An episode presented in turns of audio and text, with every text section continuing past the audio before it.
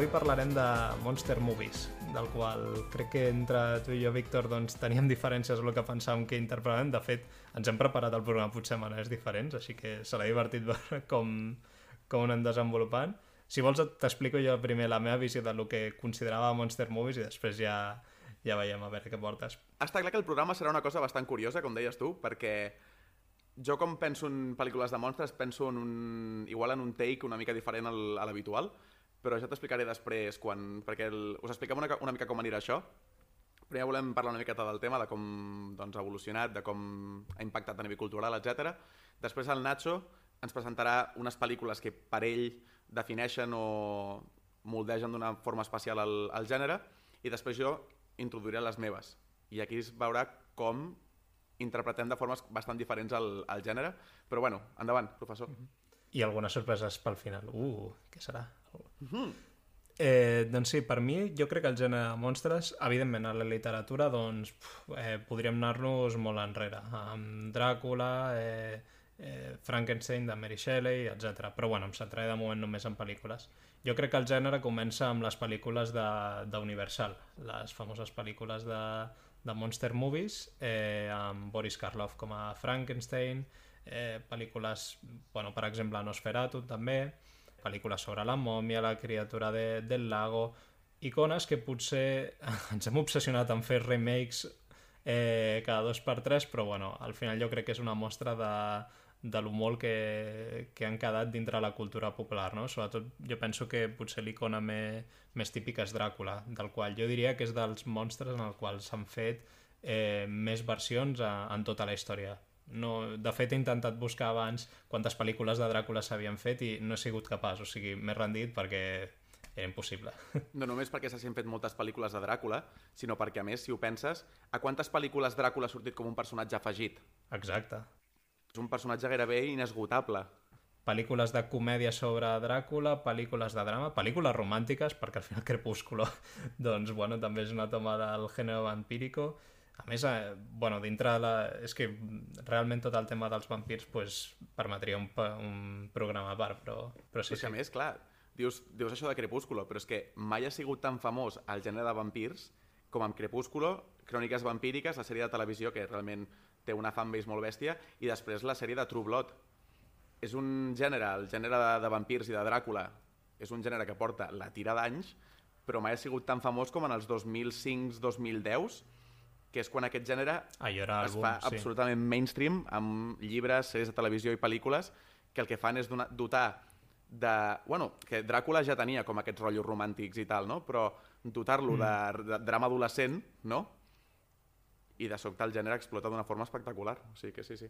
I no només aquest monstre, aquest... no sé, Víctor, no sé quin és el teu monstre favorit o la, la saga aquesta que, que per dir si li tinguis més carinyo a nivell de monstre clàssic. Jo he dit Dràcula perquè per mi sempre m'ha agradat molt la pel·lícula de, de Bram Stoker, però... Perdona, Bram Stoker, què estic dient? Bram Stoker no va fer pel·lis? Bram Stoker va fer la novel·la de Dràcula. Exacte, Francis Ford Coppola, perdona. Um, doncs mira, m'agrada que hagis dit el tema de la literatura, però he de fer com un petit apunt, perquè dius, el gènere de monstres ve de, de molt enrere, però és que ve de molt més enrere del que has dit tu, perquè realment, vull dir, si agafem la Ilíada o l'Odissea, estan plenes de monstres. La literatura grega, o bueno, la, la mitologia grega, està plena de monstres a rebentar. Vull dir, els contes més antics mm. de la humanitat tenen a veure amb els monstres i amb com atacar o, o vèncer una criatura, no? Jo penso que tots els mites eh, grecs no em volia anar tan enrere, però, però és que tens tota la raó. Tots els mites grecs sempre es basen en un heroi que moltes vegades s'ha d'enfrontar a un déu que és un ésser al final sobrenatural que fins i tot li podrien catalogar com a monstre. Sí que és cert que Zeus, per exemple, se'l representa en figura humana, però a vegades agafa figures d'animals i hi ha monstres mitològics que solen ser més barreja entre déus i homes a, a patades dintre de tota la literatura i bueno, sempre tot desenvolupen com un dilema i, i les conseqüències de prendre una bona decisió o una mala decisió eh, normalment sol ser quan t'enfrentes a un déu pues, sols sortir bastant mal parat. Realment, catalogar la paraula monstre és molt complicat, perquè entrem en un espectre que abarca tantíssimes coses. Podem començar des dels monstres de la mitologia grega, el Minotaure de Creta, podem passar més endavant a mites nòrdics com pot ser el Kraken, a coses com molt més humanes o molt més eh, basades en la realitat, com pot ser Moby Dick. Moby Dick era una balena, però era un monstre al cap i a la fi. Perquè el que el comparteix amb monstre és l'obsessió i la rivalitat contra, contra el capità del vaixell, no? Mm -hmm. El monstre al final, Sí. què és? És un fantasma com a cazafantasmes? És un alienígena? És un robot gegant? La categoria de monstre al final és molt més complicada de, de definir, perquè, per exemple, el mestre Yoda és un monstre, Jar Jar Binks és un monstre, ha de ser intel·ligent, no ha de ser intel·ligent, ha de ser perillós per ser un monstre, si és amic ja no és monstre, saps què vull dir? Mm.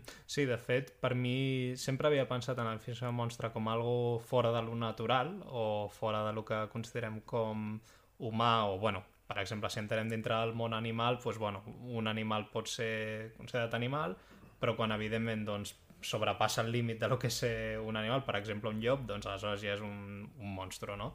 Eh, per exemple, doncs, el cas de Moby Dick, Balena Gigante. Però sí que és cert que en, quan el, el tema aquest que dius de, de l'amistat, clar, depèn molt del que consideris, no? Eh, Yoda, doncs, potser sí que dintre del món de Star Wars, amb tots aquesta mena d'aliens super friquis que hi ha a tot arreu, doncs no seria considerat un monstre perquè és un, un alien més dintre d'aquesta mena d'amalgama. A la que fos un, un Yoda maligno o un Yoda, super, no sé, supermazao que medeix 3 metres, doncs evidentment allò seria més raro i potser sí que el podrien considerar en aquesta categoria, no? Però clar, llavors per tu, quan mires la pel·lícula de Tiburón, Uh -huh. Sí. per tu el tauró és un monstre, sí o no? Sí, per mi jo crec que sí, perquè és un tauró que evidentment sobrepassa els límits d'un tauró estàndard. La meva opinió, eh? Per, bueno, almenys segons la pel·li, a més, ja es veu que no és un tauró de dimensions normals, realment té el tamany de, de tota la barca, o sigui que sobretot aquí està el tema de, del tema de la por. Al final jo penso que un monstre és un monstre, es guanya el titulito eh, quan és capaç de provocar-te escalofrios, quan és spooky. Aquí discrepo bastant, ja entrarem en, en detall després, però el gènere dels monstres és un gènere que per mi sí ha tingut un, un gran problema durant la seva història, per dir d'una manera, és que els monstres no eren personatges, els monstres simplement eren com objectes que no tenien amb una carència molt gran de, del que ve ser com, com agència, no? És a dir, el monstre és simplement el que intentes destruir o matar de la mateixa manera que una catàstrofe natural podria voler-nos matar, no? És a dir, en què es diferencia realment Godzilla dels temporals del dia de mañana? Realment no hi ha res que és de... Vull dir, simplement és una forma que té el món de castigar-nos, entre moltes cometes, no? Sí, sí, de fet és que Godzilla es consideraria realment com una, una catàstrofe. És algo que no té entitat o, o bueno, sí que és cert que en algunes pel·lis doncs, li han dotat d'humanitat, però el concepte de Godzilla de, de la pel·lícula japonesa dels anys 50 és una catàstrofe com podria ser un, un huracan o un terratrèmol, no? Parlem de, de cinema de monstres, però realment els monstres no han estat gairebé mai els protagonistes de les històries. És a dir, els monstres simplement són aquella entitat davant la qual l'humà ha de fer alguna cosa, alguna mena com de, de gest heroica, o salvar-se, o salvar aquesta persona, o arribar de punt A a punt B per donar medicina, o jo que sé, el que sigui. Però realment el monstre mai és el protagonista. Perquè, per exemple, si agafem Frankenstein, el, el llibre, el monstre de Frankenstein, és un personatge que té conflicte, que té patiment, que et, et proposa una, una sèrie de situacions amb, la, amb les que tu pots empatitzar. A les pel·lícules, que el monstre de Frankenstein passa a dir-se Frankenstein, i per això tothom diu Frankenstein en comptes del monstre de Frankenstein, cosa que em posa molt nerviós, um, Ja, de fet crec que ho he fet al principi del programa, ho sento Mary Shelley. però a la pel·lícula de sobte Frankenstein es converteix un altre cop en... i trobo que igual tu deies abans que Frankenstein i Dràcula defineixen com el cinema de monstres Mm, Sí, i precisament són els culpables del fet que durant tantíssims anys els monstres hagin estat aquestes entitats buides que no pensen, que no, no senten i que no et deixen connectar a tu com a espectador, no? Per sort, bueno, jo crec que durant els últims anys eh, cada cop ha canviat més la dinàmica a mesura que, clar, s'acaben el, o ens acaben avorrint totes les pel·lícules de monstro malvado sin entitat que persigue eh, el protagonista, que de fet encara segueixen apareixent, i algunes molt interessants i molt divertides que, que podem comentar després, no? Però crec que cada cop més els escriptors estan intentant eh, pensar en, en monstres amb una mica de visió més tridimensional, o sigui, amb les seves pròpies motivacions... Eh... Sí, no només motivacions, sinó també sentiments amb els que puguis. Perquè igual els motius són estúpids, però com a mínim empatitzes, amb... pots arribar a empatitzar amb la, amb la, amb la situació, no? Però sí que és cert que com a mínim ara el monstre, com deies tu ara, té una tridimensionalitat que com a mínim et fa que puguis entendre'l i realment jo puc entendre una persona que porta una samarreta d'un personatge com pot ser Jar Jar Binks, encara que sigui estúpid, però una persona que porta una samarreta de Godzilla, per exemple, simplement és perquè és cool i perquè és guai, però realment O bueno, no trobo que... està d'acord no? amb la filosofia de Godzilla, que és bàsicament arrasa con todo.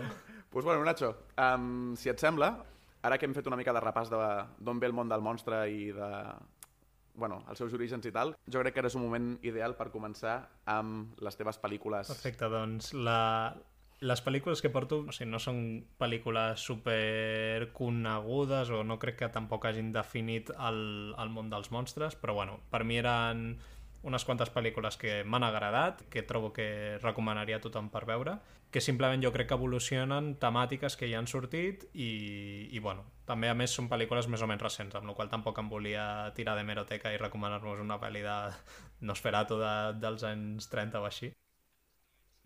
Doncs la primera pe- pel·lícula, o fins i tot diria saga de pel·lícules, és la saga Cloverfield, o en castellà Monstruoso, o en català, no sé si l'han doblat, Monstruós, que és aquella pel·lícula del 2008, on hi ha un monstre que es podria dir que és de, similar a, un, a Godzilla, però bueno, amb una forma més com de mosca, podria dir, o bueno, de, de bitxo Realment és una criatura molt lletja. I Les poques fet- escenes de la surt de la pel·lícula és molt, molt lleig. I crec que el curiós de la pel·lícula és també... Bueno, per, per qui no l'hagi vist, és una pel·lícula gravada a càmera en mano, o sigui que, bueno, teòricament, la, seguim el punt de vista d'una persona que està gravant amb el, la seva càmera o el seu mòbil totes les escenes d'una invasió d'un monstre a la ciutat de, de Nova York.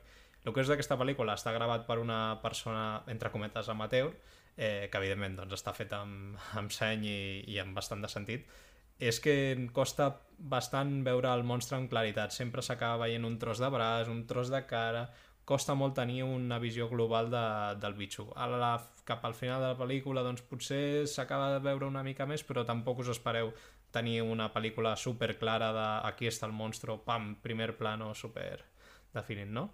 Eh, evidentment, doncs, bueno, eh, la saga Godzilla va inspirar moltíssim en aquesta pel·lícula eh, i sobretot el que destacaria és bueno, la visió de ser capaços de veure les típiques catàstrofes d'aquestes de monstres gigantescos des d'un punt de vista me, més humà. De fet, la pel·lícula comença amb una festa d'uns amics, o sigui que seria divertit, no? No recordo malament, l'argument de la pel·lícula és el xaval que està a la festa d'amics i vol arribar fins a la seva xicota, que està com a l'altre punt de la ciutat, no? I és tot el viatge de punt A a punt B, eh, intentant evitar com morir pel monstre. Pot ser? Sí, exacte. És una road movie, al final. Una road movie a la ciutat de Nova York amb un bitxo de, de 50 o 100 metres voltant por ahí, no? I lo divertit d'aquesta saga a mi sempre m'ha fet molta gràcia és tota la mena de, de lore o de d'imaginació que hi ha darrere perquè al final qui ho, qui ho va orquestrar és JJ Abrams que al final li encanten eh, tot el tema de les mystery boxes és a dir, trames així bueno, secretes que es van desenvolupant al llarg de la pel·lícula i això ho va portar més enllà amb Cloverfield Lane que és la, la seqüela i bueno, amb la, una tercera pel·lícula que és una mica més cafre, que és la de Cloverfield Paradox, que està a Netflix, que bueno, prefereixo no, no comentar-la, però sobretot el que destacaria és com passa primer per Cloverfield, que és una pel·lícula de monstres gegants, i la seqüela es basa en, podríem dir, no monstres petits, però bueno, en una pel·lícula a menor escala, que tu crec que, Víctor, eh, doncs li tens molt de carinyo, no? Jo la tercera pel·lícula no l'he vist, perquè, segons tinc entès, és un, una tercera part que no aporta gaire i que acaba sent una mica com de paranoia, o no gaire consistent. Tot i així, la segona pel·lícula, si jo hagués de fer un, un apunt a això que dius tu de la, de la saga de Cloverfield, és que la segona pel·lícula és una autèntica passada. Com, um, bàsicament, la pel·lícula, la segona es basa en una noia que té un accident i és rescatada per, per un, un home interpretat per John Goodman, un actor Pedro Picapiedra, Exacte, un actor excel·lent. el qual fa encara més por. Però um, la, la cosa de la pel·lícula és que aquesta noia és salvada per aquest, per aquest home que no coneix i és portada al seu com búnquer i durant tota la pel·lícula estan tancats en aquest búnquer ell diu, o ell li diu a ella que l'ha salvat d'un món que s'està destruint no se sap molt bé per què, una enfermetat, un monstre o el que sigui estàs tota la pel·lícula tancat a dintre del búnquer és una pel·lícula francament agobiant on no acabes de saber mai si el monstre és dins o fora perquè la personalitat d'aquest home és una miqueta com fosca i fa una miqueta com de por a ratos i és una passada com redefineix el cinema de monstres fent que el monstre estigui al teu cap constantment tot i així te n'acabis oblidant amb un ritme gairebé frenètic tenint en compte que està gravada en tres espais, que són les quatre, tres, quatre sales que té la, la casa, que eh, em va tornar boig. No sabia que estava connectada a la primera pel·lícula, i realment, com a pack de dues pel·lis, la tercera no l'he inclòs perquè no l'he vist, per tant no puc parlar d'ella, com a dues pel·lícules, és interessantíssim com agafen el cinema de monstres mm -hmm. i li donen Sí. sí. aquesta volta d'una pel·lícula a l'altra gairebé sense, sense connexió entre elles, no? Sí, home, allò de la sense connexió entre elles té una explicació perquè realment Cloverfield Lane era una pel·lícula a part que no està connectada al món de, de Cloverfield. Van decidir ficar-ho ficar-li al títol, jo crec que, bueno, per un tema comercial, evidentment. Tampoc em sembla tan dolent, perquè al final Cloverfield sempre m'ha semblat com una mena de saga a lo Twilight Zone, que no Sí. confondre amb la saga de, dels vampirs de, de Twilight, de Crepúsculo. No, no té res a veure. Eh, M'estic però sí, imaginant i- els adolescents que ens estan seguint, que no són caps, però no són cap, però bueno, anant a mirar la pel·lícula Twilight Zone, va, vaig a veure l'Edward Cullen. Oh, Dios mío, què és esto? Exacte. No, i el curiós és com la primera pel·lícula et parla això del, del monstro gigantesco i a la segona el monstre al final podríem dir, per mi el monstre de la pel·lícula no és el possible monstre que estigui a fora, sinó al final eh, podríem dir John Goodman, o sigui, una persona. I crec que també és curiós mostrar eh, com l'ésser humà també en si pot esdevindre un, un monstre, no? I no parlo de pel·lícules de zombis o, o persones així com amb poder sobrenatural, sinó realment una persona que per la seva forma de ser doncs és algú entre cometes monstruós que et fa por i que Tot i així, fem un petit apunt. Aquesta pel·lícula millor no mirar-la fins que acabi el confinament, perquè igual no és la millor pel·lícula ara mateix. Vull dir, una pel·lícula sobre gent que es torna boja dintre d'una sala i que s'acaba com volent matar entre ells, millor aquesta la deixem per quan acabi el confinament i estiguem tots fora i feliços de, gaudint de l'estiu i tal, no? Perquè sí... Una de la idea de- d'algun programa era top 10 movies de gent en búnquer que es torna boja i s'acaba matant entre ella, però no era millor, molt recomanable. millor que no. I res, i la, la segona pel·lícula que, que tenia preparada era la pel·lícula que costa, no sé, és curiós dir-ho, d'un nominat eh, doble a Oscar, que és eh, Bong Joon-ho, de la pel·lícula Parasitos. Eh, aquest director va fer una pel·lícula al, al 2006, eh, The Host, que en Corea té un nom raríssim, que és Wemul o alguna així, que vol dir justament monstre. O sigui que per mi és la pel·lícula que millor podria definir el, el gènere perquè és el, el títol de la pel·li, o sigui que està, crec que està bastant ben trobat, no? Eh, ¿Cómo d'aquí- llamamos a la película? Mm, pues si tiene monstruos... ¿Monstruo? Monstro. Brillante. I realment, o sigui, ho fa bé, perquè toca mo molts eh, clichés del, del gènere, però ho fa, crec que d'una manera bastant humana, que realment no es podia haver fet en una pel·lícula, per exemple, americana. O sigui, realment els coreanos tenen una mentalitat, mentalitat a vegades una mica loca Molt. i, de fet, jo i quan vaig d'allà veure... surten a vegades molt bones idees. El No? primer cop que vaig veure la pel·lícula, vull dir, has dit que era el 2008? 2006. 2006, o sigui, jo crec que aquesta pel·lícula la vaig veure en un aniversari que vaig celebrar amb amics al, al cinema. I... Vaya aniversari, no? Sí, sí. Vull dir, vam anar al cinema i era com, va, què mirem? No teníem ni idea. I va ser com, pues, esta, saps? I clar, va ser una pel·lícula que ens va agradar molt, però estem parlant 2006, jo devia tenir, doncs, estem parlant de 16 anys. 16 anys, el 2006. Vull dir, vaig sortir de la pel·lícula que no en tenia res. El sentit de l'humor, que no quadra gens amb la temàtica gairebé de, de por i d'horror del monstre, que és absolutament lleig. Vull dir, és la cosa més horrible i quan obre la boca, la boca vols sortir corrents. Tot i així, el sentit de l'humor de la pel·lícula i els diàlegs són d'una mena com de... que després l'hem vist com reflectit un altre cop a la pel·lícula de Paràsitos, que deies tu ara, Sí. però en aquell moment em va, em va deixar com molt confós, no entenia què estava mirant realment. Bueno, és que de fet no, no, hem dis, no hem definit ràpidament la pel·lícula, bàsicament és bueno, un monstre, podríem dir que és com una mena de monstre peix raro, tampoc és gegant, no, no estem parlant d'un monstre de tamany de Godzilla, sinó bueno, un peix molt gros, eh, amb potes, és a dir, que pot caminar, que comença a aterroritzar Seul, o sigui, la ciutat de Seul. I és la història d'una una família eh, bueno, coreana que, que té, per dir-ho així, una paradeta de, no sé si de fideus o de xurros o alguna així, en un parc d'allà. Home, sent Sobretot el Corea, que destacaria... xurros no crec que siguin. Sí, no, és que no sé per què, bueno, clar, amb mentalitat així espanyola ha sigut el primer que, que he relacionat, però no sé, pa amb tomàquet, no? Aquella. Exacte. Una idea molt nicho, home, que tindria èxit, no?, allà enmig de Corea, però bueno. I, i lo divertit d'aquesta pel·lícula, trobo jo, és això. Primer de tot, la fusió entre comèdia i terror, jo crec que pel fet de que al final la visió del director és que els éssers humans doncs, a vegades tenim certa, cert patatisme, no? O, o bueno, com davant de situacions com molt extremes doncs ens podem comportar o, bueno, entre cometes com herois com serien les pel·lícules americanes o, o prenent decisions molt estúpides eh, doncs, bàsicament motivades per la por no? i també destacaria sobretot que és una pel·lícula que la majoria d'escenes són a plena llum i les coses es veuen molt bé. O sigui, destacar primer Cloverfield, perquè no es veia quasi res del monstre, i el que té aquesta pel·lícula és com l'atrevida que és en ensenyar-te pues, eh, el que està passant sense cap mena de, de tapujo. I de fet s'agraeix, perquè de fet ho fa encara més terrorífic, no? Bueno, de fet és, és una pel·li que ja dic, a mi precisament pel fet que es veiés tant tota l'estona, l'he vist només un cop aquesta pel·lícula i no sé si tornaré a veure-la mai més perquè, com et deia abans, tenim una forma diferent de veure el cinema de monstres i a mi els monstres que fan por realment no m'acaben d'agradar del tot. Vull dir, jo prefereixo el monstre amigable, el monstre... Bueno, ja entraré després en tema. Però és una pel·lícula que realment és com una operació en la que veus absolutament tot.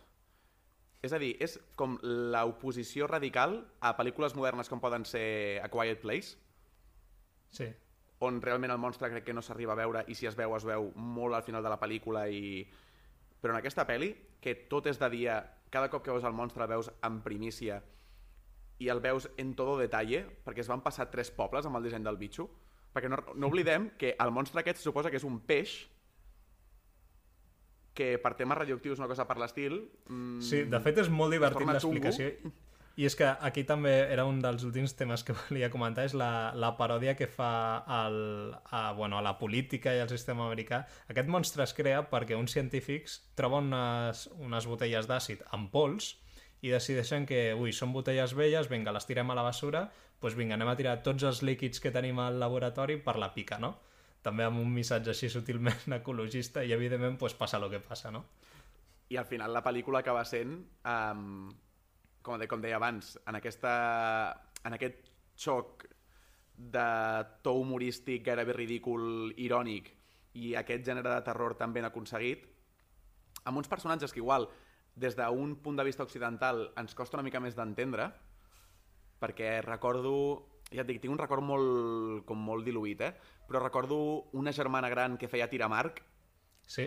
recordo sí, sí. una nena petita que és la que és com segrestada per, pel monstre, recordo un protagonista d'allò més ridícul, el que deies tu abans, que era com patoso, però és que és ridícul aquell personatge, o sigui... Sí, o sigui, de fet, a vegades et, et pares a pensar en potser és que té algun problema mental realment. Totalment. Raya el límit entre estúpid o realment problema de en plan d'anar a un psiquiatre. Que de fet, per mi és un, com un punt en, que té com en contra la pel·lícula, un punt com que la fa, li fa com perdre qualitat o li fa perdre intel·ligència, perquè sí que és veritat que moltes vegades a les pel·lícules de monstres tenim l'héroe americano que ho pot fer tot, és supervalent, ell salva tothom, no t'amoïnis, jo vaig a buscar el monstre, bla bla.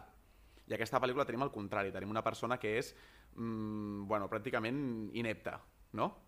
Però és que a ratos és tan inepta, aquest personatge, que fa que trobo que acabis no connectant amb la pel·lícula del tot perquè és com... Però què et passa, xaval? Espavila, saps? Vull dir que... que... Bueno, crec, és que crec que era la visió, perquè no crec que l'únic protagonista sigui aquest personatge, no? sinó el que parla també eh, com parodia la, les maneres de solucionar eh, certa, certes trames a partir de, per exemple, doncs, virus químics, no? Eh, fent un paral·lelisme amb tot el tema bueno, és ja algo molt, molt concret no? però parlo vist amb temes que hi havia hagut a, a Corea als anys 80 eh, i bueno, sí, i tota la trama periodística, no? com es va creant com una mena de història d'un virus mortal a partir de, de la premsa que no apareix d'enlloc, o sigui, és una mena de patranya que es crea sola, no? I crec que la pel·lícula al final és això, no segueix tant la història aquesta en concret, sinó t'adjunta com diverses trames, sí que és cert que tenim el protagonista com a eh, vehicle de tot, de tot això, però bueno. És, Tinc una pregunta és... sobre les teves pel·lícules. Està clar que nosaltres tenim un, una certa atracció a aquest gènere i estem acostumats a veure aquests monstres i a veure aquestes criatures. Però aquestes pel·lícules que has portat tu avui, les dues de Cloverfield i la de The Host, la recomanaries a qualsevol persona? Algú que no té un bagatge d'haver mirat pel·lícules de monstres i horror i tal, li diries, no, no, mira-te-la perquè tu passaràs bé, endavant. Eh, jo crec que Cloverfield la primera és la més accessible, potser, no li recomanaria tampoc a tothom, perquè evident, és, és com tot el gènere de pel·lícules de monstre. Tu recomanaries una pel·lícula de monstre així a, a voz de pronto, en plan, vinga, mira't Alien. pues és difícil a ser, per certes persones, però si ets una persona que t'agrada més o menys el, el cinema en general i la ciència-ficció, potser The Host és la, la més dura, però pel fet sobretot de, que, de l'estil aquest oriental coreà, que potser hi ha gent que no estarà tan acostumada, no? Però bueno, em semblava curiós recomanar-ho per, bueno, no parlar de, de lo que podríem haver parlat, que és King Kong, Godzilla, etc que, que estan molt vistos. Probablement som el primer programa de la història que hem fet un programa sobre monstres i no parlarem en cap moment ni de... Bueno, en cap moment. No indagarem en cap moment ni en Godzilla ni en King Kong. Vull dir, estem fent una mena com de sacrilegi, perdoneu-nos als puristes del gènere, perquè... Bueno, és l'objectiu, no? Fer rabiar Exacte. la gent. bueno, doncs, uh, si et sembla bé, passem a les meves pel·lícules. Com t'he dit abans, jo sí. tinc una forma molt diferent d'interpretar aquest gènere i des de molt petit l'he tingut, perquè me'n recordo, de fet, de molt, molt petit, que una tieta postissa que tinc em va regalar per Nadal, ens veiem com dos cops a l'any o tres cops a l'any, una cosa per l'estil, i em va regalar per, regalar per Nadal un bitxo, un zombi, de Resident Evil. I jo vaig obrir-lo... Vaya regal, no? Quants anys tenies? No sé, igual tenia 8 o 9 anys, una cosa per l'estil. Wow. I a mi m'encantaven els monstres, però, però m'encantaven les mascotes, no els monstres. M'encantava el Banjo de Banjo-Kazooie, m'encantaven els Pokémon, m'encantava el Crash, m'encantava tots aquests bitxos així com simpàtics, no? Però per alguna raó ella es pensava que mi m'agradaven els monstres i com més lletjos millor. Jo aquell monstre em tenia traumatitzat, o sigui, a la meva caixa de joguines estava al fons de tot, de manera que jo no l'hagués de veure mai de la vida. O sigui, no m'atrevia a fer-lo servir ni com a dolent de les meves partides de joc particular amb ninots, perquè et facis una idea. Llavors, el gènere de terror, o el gènere de monstres, com he dit abans, per mi tenia el gran problema de crear criatures que no tenen entitat, que no tenen poder de decisió i que no tenen cap mena de... no generen cap tipus d'empatia. Tot i així, en els últims com 40 anys, més o menys, amb un camí que comença gràcies a George Lucas, persona de la que sempre estic fotent merda, pobret, però al final té coses que ha fet molt bé, es crea una tendència en el cinema de dotar el monstre de característiques de personatge que ha anat portant el cinema cap a un lloc, cap a una zona, que són aquestes pel·lícules on el monstre és dotat d'unes característiques humanes, i per humà no em refereixo a antropomòrfic, em refereixo a nivell sentimental, a nivell emocional, de dotar el monstre de conflicte, de dotar el monstre d'incertesa, de, de, de manera que tu puguis connectar amb ell. I d'aquesta manera, les pel·lícules que porto jo avui són pel·lícules on el monstre acaba sent una cosa que tu vols adoptar. Alien... Exacte, Alien és la primera, la, el bitxo és cuquíssim, no, no, tornem... Um, però la primera d'elles, la primera de la que vull parlar, és una pel·lícula del 2002 de Walt Disney Animation que, per desgràcia, va passar super desapercebuda en el seu moment, que és Lilo i Stitch. Una pel·lícula que, pels que no l'hagueu mirat, us recomano moltíssim, perquè per mi és la que representa el, mm. valor autèntic sí. de les pel·lícules de Disney, deixant de banda totes les princeses i tots els masclismes que tenen aquestes pel·lícules. Lilo i Stitch és una pel·lícula on dues germanes que acaben de perdre els seus pares han de redefinir la seva, la seva relació de germanes com de, des del principi i apareix a la seva vida un alienígena, que és l'Stitch, que se suposa que va ser, va ser dissenyat per destruir, se suposa, que és un, se suposa que és una màquina de matar, tot i així, mitjançant la convivència amb les germanes i la seva com adopció de la cultura humana, a poc a poc es va convertint en part de la família i a poc a poc va oblidant com el seu instint assassí. Es donava un cop al cap, no?, per oblidar-se de, del seu instint, o què li passava? Em sembla que et confons perquè... amb, el, amb el Goku, però no me'n recordo realment si passa això o no. Lilo es transforma en un mono o alguna cosa. No, no me'n recordo la, la veritat, però el que sí que... Bueno, Lilo i Stitch va ser una pel·lícula que va començar amb la idea de fer una pel·lícula més petita, de pressupost més petit, en contrapartida a les últimes dues pel·lícules de Disney que havien sigut Atlantis i L'emperador i sus locures, pel·lícules que també van fracassar bastant en taquilla, i tot i ser una pel·lícula així més petita i més com, com d'anar per casa, per dir-ho manera, és una pel·lícula d'una animació excel·lent, amb uns personatges amb una emotivitat meravellosa. De fet, gairebé podries mirar la pel·lícula en silenci i realment entendries el que està passant a totes les escenes, perquè els personatges de la forma que els hi cauen les, les expressions de la cara, com gesticulen, etc és espectacular. Tot i així, sincerament, no feu això de mirar-la en silenci, perquè el diàleg de la pel·lícula és brillant. És una mena de muntanya russa emocional en la que estàs plorant i rient constantment, que sembles un psicòpat al final de la mirar la pel·lícula perquè no saps què cony has de sentir. Però és una pel·lícula on el monstre té una capacitat de transmetre sentiments, de portar com confort emocional al, a la seva amiga, que és la Lilo, on la relació entre humà i monstre queda completament com subvertida. I, sincerament, per qualsevol persona que tingui ganes d'una pel·lícula entretinguda, maca, és perfecte. Sí, no? i a més, si no recordo malament, també estava relacionat amb, amb un tema d'abandono no? de, dels pares, perquè crec que viu amb la seva germana i, i no sé si els seus pares eh, es van morir recentment. Sí, sí, els pares moren, al, o sigui, suposa que han mort abans de començar mm. la pel·lícula, i tota la pel·li sí, és... com una mena de Mary Poppins, però, Sí. però malèfica. En realitat, sí. en plan, bueno, un monstruito Mary Poppins, En realitat, però Stitch algo així. arriba com aquest ingredient que el que fa és reunir les germanes que s'han perdut en el moment en què la germana gran ha de deixar de ser germana per començar a ser com tutora o mare, no? Sí. I Stitch arriba com una, una mena com de pega que el que fa és juntar-les i fer que la família torni com a funcionar, no? I d'aquí aquests temes de Ohana significa família i com tot es va com fent un xup-xup així molt emotiu i molt maco. I l'altra pel·lícula de la que vull parlar és una pel·lícula que, sincerament, per qualsevol persona que digui que li agrada el cinema hauria de ser de visió obligatòria, que és La forma de l'agua. La recomanaries a tothom? Absolutament a tothom. Sí? A gent que adora el cinema, a gent que adora el romanticisme, a gent que adora històries que et facin somiar. És una pel·lícula que jo crec que si hagués de descriure com estava a la sala del cinema, et diria que estava flotant. Sí, de, de fet, crec que la vaig veure amb tu al, al Yelmo al Yelmo Comèdia? No, aquell dia vam veure um, la de Tres anuncios en les afueres, que va ser el dia que em van robar la bicicleta. Ah, vaja, petit anècdota que fiquem aquí al programa. No, però sí, sí, la, la vaig veure, la, la forma d'aigua fred. Crec que fins i tot va ser justament l'època aquella dels Oscars, crec que va coincidir que va guanyar l'Oscar i va sortir al cine o, o com simultàniament. Ara no sí, sé sí. si va guanyar millor pel·lícula, La forma de Si no m'equivoco, sí, no? O millor director, només. Sí? Mm. No ho recordo. Millor director em sona que gairebé segur, perquè recordo Benicio del Toro, d'una forma o altra...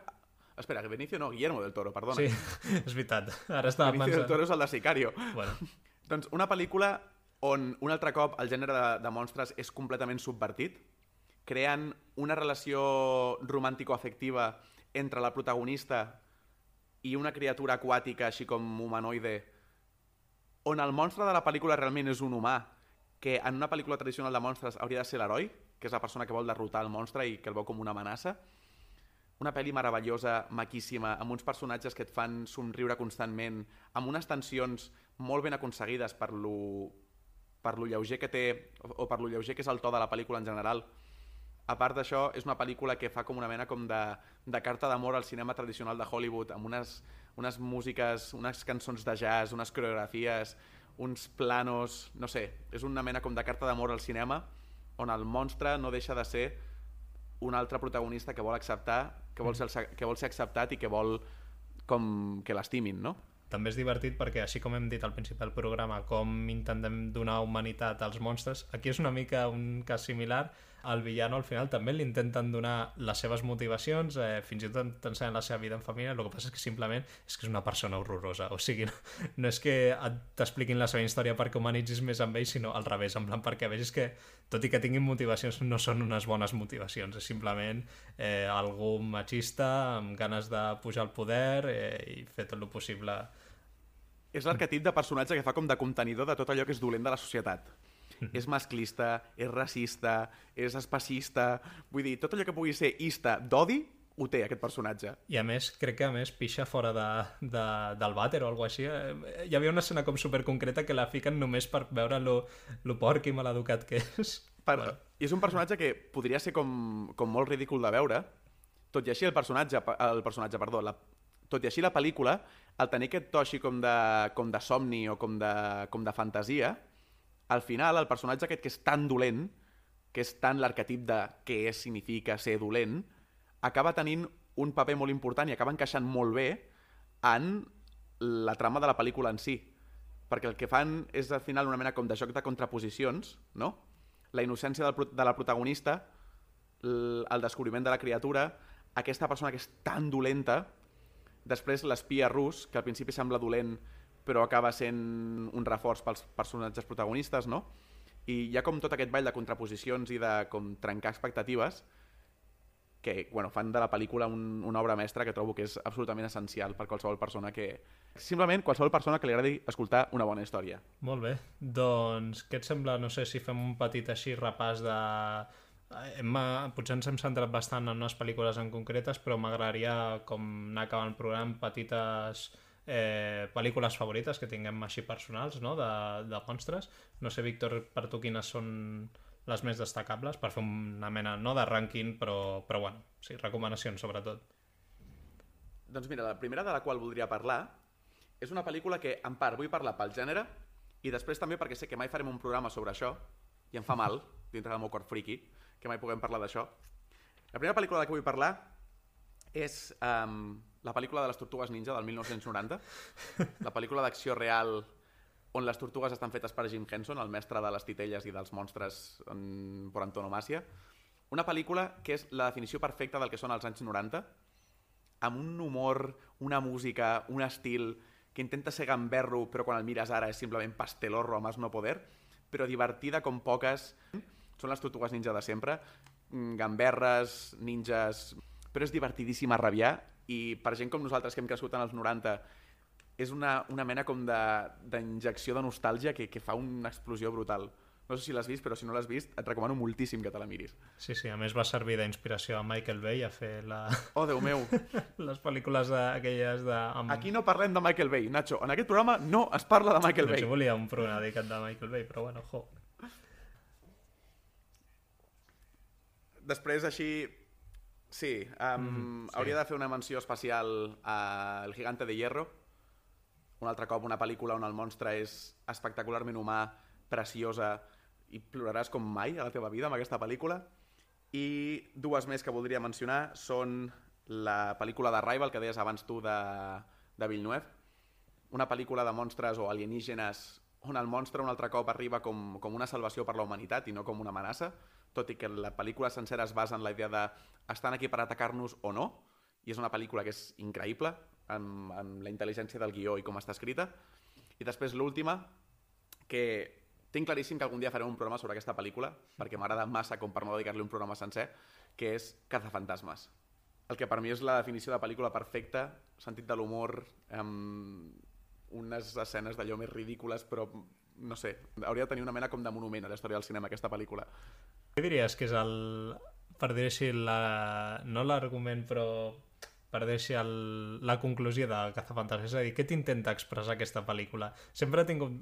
Eh, o sigui, m'ha fet molta gràcia perquè és una pel·lícula on normalment a totes les pel·lícules hi ha una evolució d'un punt A a un punt B en quant a personatges, història i tal, però és una pel·lícula que dona la sensació que tothom comença igual i acaba exactament igual. O sigui, és, és molt curiosa i també molt divertida i sí, sí, tens tota la raó que hem de fer algun dia algun programa. Sí que és veritat que els, els personatges són molt plans.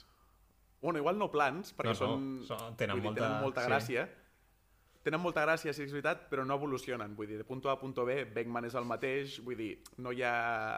Però igualment, Monstre... o sigui, Cazafantasmes és una pel·lícula que, que és una icona d'una època, que és meravellosament divertida, entretinguda, i la pots mirar quan tens 5 anys, la pots mirar quan tens 15, i la pots mirar quan tens 50, que trobes alguna cosa. Vull dir, és, és espectacular. I ja et dic, vull dir, aquí em callo perquè vull dedicar un programa sencer a aquesta meravellosa pel·li Exacte, algun hem fet ja el teaser trailer, Exacte. ja farem la, el full release. Nacho, quines són les teves pel·lícules? Sí, de pel·lícules eh, tenia una llista molt llarga, havia posat aquí una mena de rànquing de top 10, però és que fins i tot es podria seguir allargant. No m'allargaré massa, parlaré sobretot de, eh, primer de tot d'Alien, trobo que per mi és el número 1, no només per la pel·lícula original, sinó per tot el món que va crear després amb Aliens, etc etc. Pues a mi Alien no me gusta. Bueno, pues... pues queda tan Predator, no sé. Eh, La niebla, de Frank Darabont, per tot el tema de monstro Lovecraftiano, de quasi impossible de, de comprendre de, de lo complexa que és. És aquella pel·lícula d'un grup de gent que queda atrapada en un súper, de cop apareix una nebla, una niebla superdensa eh, envoltant el súper i es queden atrapats perquè si surten hi ha monstres com, no sé, si coneixes a H.P. Lovecraft, tot el tema de Cthulhu i tot això, doncs representa que dintre la niebla hi ha monstres així super locos eh, que et maten. I lo divertit no és només la, els monstres de fora, sinó els monstres de dintre, perquè evidentment gent tancada en un súper durant X tiempo, doncs, com sempre, doncs... El que Nacho, deixem de parlar de gent tancada, si us plau. Deixem de parlar de gent tancada que vol matar-se. Vinga, va. Tercera pel·lícula, La Cosa, de Thing. Gent tancada en un búnquer a l'Antàrtida. No, no, no sé si està tancada, però bueno, estan sí. a l'Antàrtida, o sigui que és el mateix. I un bitxo que és capaç de, de bueno, canviar la seva morfologia per assemblar-se a una persona. Eh, evident. De quin any és aquesta? Hi ha diverses versions, però la típica és la dels anys 80. Ah, d'acord. I per últim, per no allargar-me massa, doncs diria Jurassic Park. Eh, sé que potser... Bueno, Jo també la tengo en la lista. Sí? Home, eh, realment també mereix el seu programa. S'ha dit de tot d'aquesta pel·lícula, el xulo que va ser, o sigui, com està gravada, amb tots els seus efectes especials així pràctics, eh, la por que fan el, els dinosaures en si, que sempre, doncs, mm, bueno, potser quan ho veus així en dibuixos, doncs realment dius, ah, bueno, en plan fan por, però tampoc tant, però com te'ls mostra la pel·lícula, realment el T-Rex és eh, escalofriante, no? I a més una pel·lícula que és veritat que aquí tirem molt de, molt de nostàlgia, però és una pel·lícula que trobo que ha envellit molt bé, no? Sí, sí, o sigui, de fet, a vegades ho compares amb els efectes així més en 3D, de, bueno, efectes especials de, de les noves de Jurassic Park, i què vols que et digui? Hi ha certes escenes de, de l'original que suposo que són les que estan fetes amb animatronics, que es veuen com més, més tangibles. Al final el 3D és evidentment que dona el pego, però no notes tant com la, el que diries tu, el, el sempre, pes, no? Sempre el... que penso en, en Jurassic Park, penso en l'escena dels, dels Velociraptors, en una escena així com de, com de thriller. No sé si te'n recordes. És en una cuina. És a la cuina? Pot ser, pot No? ser, no, no me'n recordo. Sí, que diu la famosa escena de la, la Exacte. porta. Aquella pel·li... O sigui, sí. quina, quina bogeria que una cosa com, com un Velociraptor estigui presentat com, com una criatura que pugui fer tantíssima por, no? Perquè té gairebé com instint, ja no et diria de, de monstre, sinó d'assassí gairebé intel·ligent, no? En aquesta, en aquesta escena.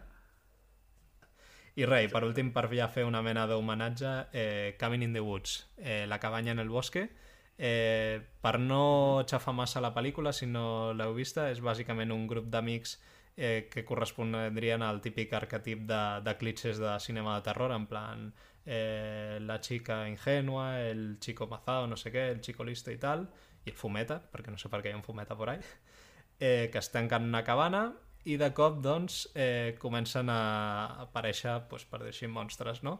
Diguéssim que és com una mena de, de carta de- d'amor a, per dir-ho així, tots els monstres que existeixen, perquè és una pel·lícula Jo no l'he vist, que... aquesta pel·lícula, per tant no, no sé de què parles. Uau, doncs, doncs te la recomano, sobretot intentaré no explicar-te massa. Intenta-la mirar sense mirar trailers, descripcions, i jo crec que et sorprendrà. The Cabin in the Woods. El, diria que el director, no sé si és el, el James Gunn, el, el de Guardians de la Galàxia, o, o potser el Drew Goddard, que és com el, el guionista que solia fer les pel·lícules amb el James Gunn. O sigui que ja et pots imaginar que, que, bueno, que no és una pel·li convencional.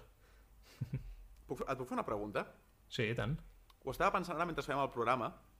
De les pel·lis que tenim a les nostres llistes i de les que hem parlat, a quantes, o sigui, a quantes es destrueix la ciutat de Nova York? Buf! Vull dir, jo I, crec que bueno, de fer... Estats Units en general. És la crec que hauríem de fer un minut de silenci per Nova York, perquè és impossible... Vull dir, King Kong, Cazafantasmes, Cloverfield... Què està passant amb aquesta ciutat, pobra gent? Tortugues Ninja, la que he dit jo abans de Tortugues Ninja també és a Nova York. Vull dir, què està passant? Sí, sí. Ah, Vull alguna pel·li de- d'aquestes de, destructives a Albacete, no? O a Torremolinos. Bueno, Seria superèpic. doncs res, Víctor, eh, et pensaves que havíem acabat, no? Doncs no, tinc una sorpresa. L'altre dia, al primer programa, em vas fer un, un joc a mi, on vaig sortir bastant mal parat amb les frases de Star Wars. Ara jo et volia fer un trivial a tu. A veure si ets capaç de Vale. d'aguantar la meva xapa. Muertes la mano que te da de comer, eh? Exacte. ¿Me has de comer? Però si tengo que pagarte. Eh, bàsicament res, et faré unes preguntes rotllo ¿Quién quiere ser millonario? Eh, de, de quatre opcions, a veure si ets capaç d'adivinar-ho. Algunes són, crec que bastant curioses de, de saber-ho, però bueno. Vinga, comencem. La primera de totes. Els Gremlins, els amigos Gremlins. Abans de que fos dirigida per Joe Dante, es van proposar altres directors. Spielberg, Tim Burton, Robert Zemeckis o James Cameron. Quin creus que podria haver encaixat? Doncs crec que hagués pogut ser una bona pel·lícula, tot i que no m'agrada gaire la seva visió artística, la de Tim Burton. Per tant, diré aquesta. Doncs sí, Toma! sí, sí. Tim Burton havia de... va ser una de les primeres opcions abans de, de gravar la pel·li. Víctor agafa un gomet, se'l posa al front i tinc un punt. Molt bé, Segona anem a la pregunta. segona. Predator. El, el, potser el malo bueno, o el monstre no diguéssim secundari, perquè sempre que parlem d'Alien doncs sempre pensem en, en Predator també, s'ha enfrontat amb molts personatges de còmic al llarg de la història. Alien, Superman, el Juez Dredd o Batman. En còmics, dius? En còmics, sí. Hi ha la pel·lícula Alien vs Predator, però Em sona moltíssim un còmic de Batman amb Predator. Pot ser? la resposta és totes les anteriors. Ostres, vale. I de fet, no ho he afegit aquí, ho hauria afegit, també té un còmic on s'enfrenta a Tarzan. O sigui que sí, no sé per què Predator eh, ha tingut molts enemics. Tarzan contra Predator. O sigui, tu pensa bé, en veritat és una bona idea. Home, què vols que et digui? Vull dir, puc entendre que Batman, Superman tinguin alguna cosa a fer, el juez Dredd també d'alguna manera, però o sigui, Tarzan, vull dir, muere en el intento però de mala manera, no? No, no sé com acaba el còmic, m'imagino que ha de guanyar Tarzan, no? Perquè si no, quina és la gràcia? Per cert, m'acaba d'acudir una idea per a un programa del futur que sigui tu em portes un personatge i et porto un altre i hem de debatre qui guanyaria en, una, en un combat. Ah, Battle. Ara, abans que parlem de monstros així amb, amb sentiments, Monstros S.A. Abans de fer el disseny que, que tant ens agrada al Sally, que és així com la bola peluda, per dir-ho així, es van plantejar altres opcions de disseny. A veure quina, quina creus que estava dintre de, de, dels concept arts. Eh, un Sally amb ales, amb tentacles, sense braços Dale. o amb bazoques a les mans. Et diria una resposta, però crec que estic fent trampes, perquè vaig estar a l'exposició de Disney Pixar al Caixa Fòrum de fa un parell d'anys Mm. i crec recordar que era un personatge sense braços. Aquest era el, de, el del Mike, el de, el de l'ull, eh, però el Sally es va plantejar una opció amb tentacles. Eh, el que passa és que van dir que... Ah, és que jo estava passant en el Mike, Sí. perdona. Sí, sí, sí. El que passa és que van dir que, que clar, era una mica com que distreia, era tan... com dir-ho? O sigui que al final la, la gent no es fixava tant en la cara del Sally i en tot això i es centrava més en els tentacles, no? I van decidir, bueno, de, descartar-ho, no? Que ja em sembla bé, per això el disseny del Sally és més neutre, entre cometes. Em sembla super estúpid. Els tentacles igual et distreuen el primer cop que el veus, però després et centres en la cara, no? Bueno, suposo que seria un disseny molt loco. No, no he vist el dibuix, eh? però bueno. eh, vinga, va, més idees. Eh, ara anem superantic. De fet, eh, anem amb temes més de literatura. El 1816 es va fer com una mena de, de concurs de... Ho va fer, crec que, Lord Byron. Concursos de, de històries així com de, de por o de terror. Eh, on es va publicar The Vampire, de John Polidori, que és com diuen que de les primeres novel·les de, de vampirs, fins i tot abans que Bram Stoker. Addicionalment a aquesta novel·la es va publicar un, una història més que també marca l'inici d'un monstre clàssic. Seria el monstre de Frankenstein, la mòmia, la criatura del lago o Donald Trump. Donald Trump, claríssim. No, no, aviam, aquí realment jugo un avantatge perquè, vull dir, sent estudiant de filologia anglesa, vull dir, sé perfectament que és Frankenstein en aquest sentit. Molt bé. Mary Shelley va ser part dels convidats d'aquesta festa que va durar com una tempesta. De fet, estaven a casa de Lord Byron i va ser el fet que no podien sortir per una gran tempesta que els va deixar atrapats i com a repte va ser un, quan acabi aquest cap de setmana, tots hem de tenir una idea d'una història de, de terror, una història de, de monstres. I aquí va ser on Mary Shelley va, va començar amb la idea de, del monstre de Frankenstein. Molt bé, em trec la meva fedora inexistent, eh, perquè realment era la pregunta xunga de, del test i me l'has encertat. Vinga, va, anem acabant eh, amb dues preguntes més. Quin d'aquests actors havia d'aparèixer a Alien? Harrison Ford, Mark Hamill, Carrie Fisher o Darth Vader amb màscara, làser i tot complet? Dubto molt que fos... Has dit mm, Harrison, Harrison Ford, Ford, Mark Hamill, Carrie Fisher, D'acord. Um, jo Jabba diria que Hutt. Hamill i Carrie Fisher igual eren massa joves o igual no acaba... No sé.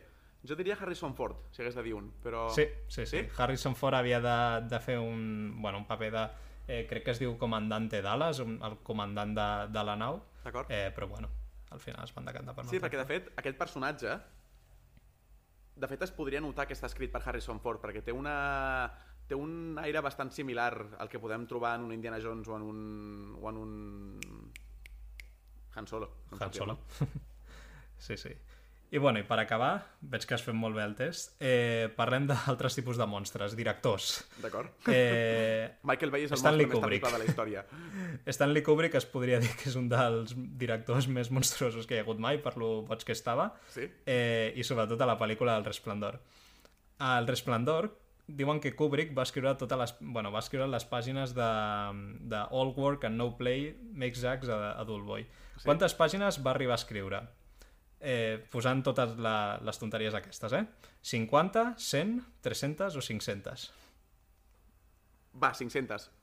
Doncs sí, el tio estava... Si, si diuen que és cert, perquè per desgràcia està mort i no podrem mai eh, comprovar, diuen que realment va escriure les 500 pàgines de...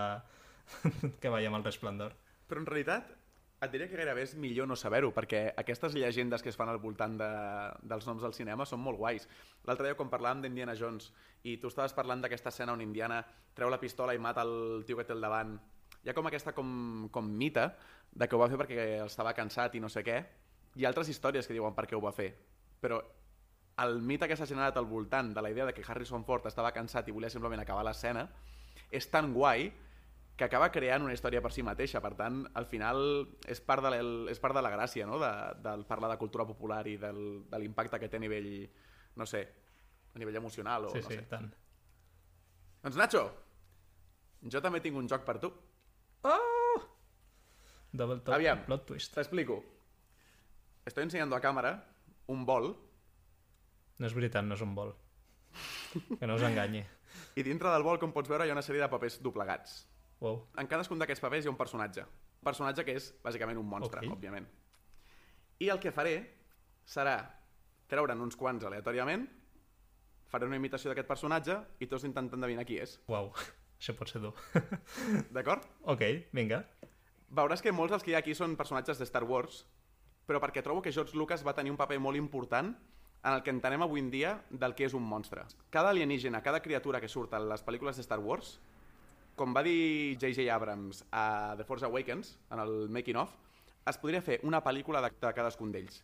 Perquè el nivell de detall, el nivell de, de disseny que tenen és tal que trobo que George Lucas mereix una mena com de, una mena com de menció espacial, jo trobo, en el que ve ser el disseny dels Dintre, monstres. dintre del món d'aquests dels spin-off que estem veient ara, de Star Wars, a Disney Plus, per exemple, tu veus una pel·li de, del Rancor, per exemple, una pel·li de, del Sebulba. Quan el Rancor era petitet i tenia aspiracions de convertir-se en Jedi. No te l'ensenyo, òbviament. Vale, aquest és molt fàcil, però bueno. Wally. Home, Wa- Wally?